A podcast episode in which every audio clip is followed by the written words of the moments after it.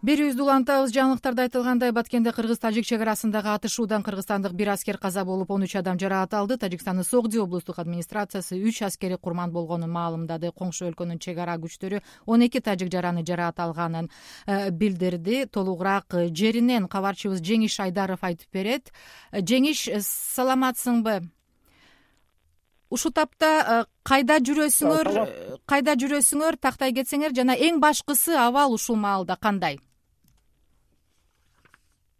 мен ушул азыркы тапта исфана шаарына келдим. Буга чейин эртеден бери чек арадагы ошол окуя болгон максат айылында болдум.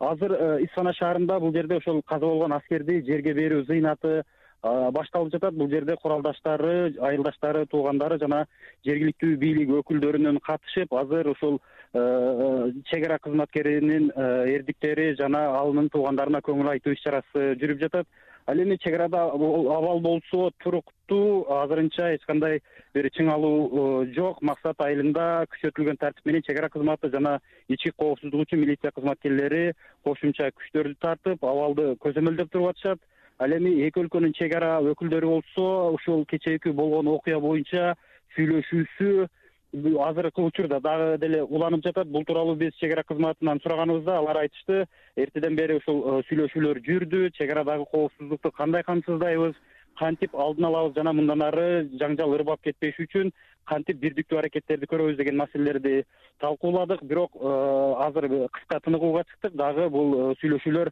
мындан ары дагыдан уланат деп айтышты айнура. Жеңиш максат айылына бүгүн кыргызстан өкмөт башчысы мухаммедкалый абылгазиев да барып жергиликтүү тургундар менен жолукту. Ошол жолугушууларда жашоочулар эмнени айтып жатышты? Кандай эмне көйгөйлөрүн жашоочулар э, бир топ социалдык көйгөйлөрдү айтышты бирок эң негизгиси ушул э, чек арадагы коопсуздукту камсызда бергиле.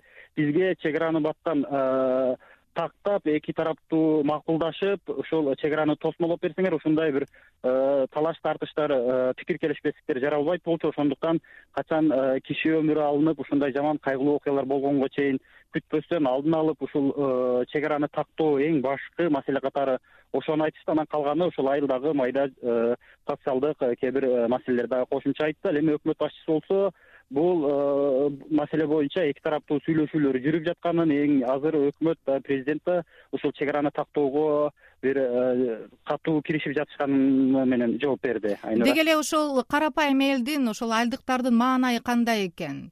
Кээ бирлерин коопсуз жер деп көчүрүшүптүр алар качан кайтып келет үйлөрүнө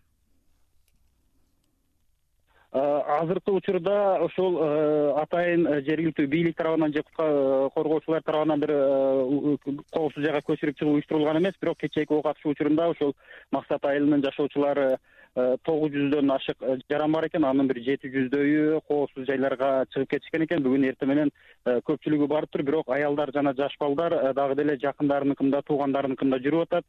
Ал эми андай жатак жайлары жоктор үчүн бешкент айыл өкмөтүнүн овчу калача айылындагы мектепке жайгаштырышыптыр. Ал жерде жүз элүүдөй жаран бар дейт. Тамак ашы дары дармектерин баарын камсыздап э, берип ошол жерде карап жатабыз дейт. Алардын эгерде кааласа коопсуздугуна э, шектенбесе азыр барса деле биз уруксат беребиз качан кетебиз десе биз уруксат беребиз деп ошол жердеги уюштуруучулар айтышты. Э, жеңиш дагы бир суроо ушу дары дармек демекчи ушул лейлектин ооруканасында оор абалдагы эки жарадар киши жатат. Ошолордун абалына кызыгып көрдүңбү ооба алар ошол кечээ э, октон жабыркап келип түшкөндөрдүн ичинен экөөсү оор абалда жандандыруу бөлүмүндө жатышат экен. Булар үчүн атайын баткенден жана оштон э, реаномобиль э, жана дарыгерлер чакыртылыптыр алар түнү менен ошол эки жаранга тең операция жүргүзүп азырынча абалы оор бойдон калууда дейт. Аларды дагы ишкекке алып баруу зарыл экен. Бирок аларды азырынча жолго алып чыгууга мүмкүн болбогондуктан э, абалы турукташканга чейин бул жерде карап турабыз дейт. Дары дармектер э, кан э, керектүү зарыл болгон нерселердин баары жетиштүү экен азырынча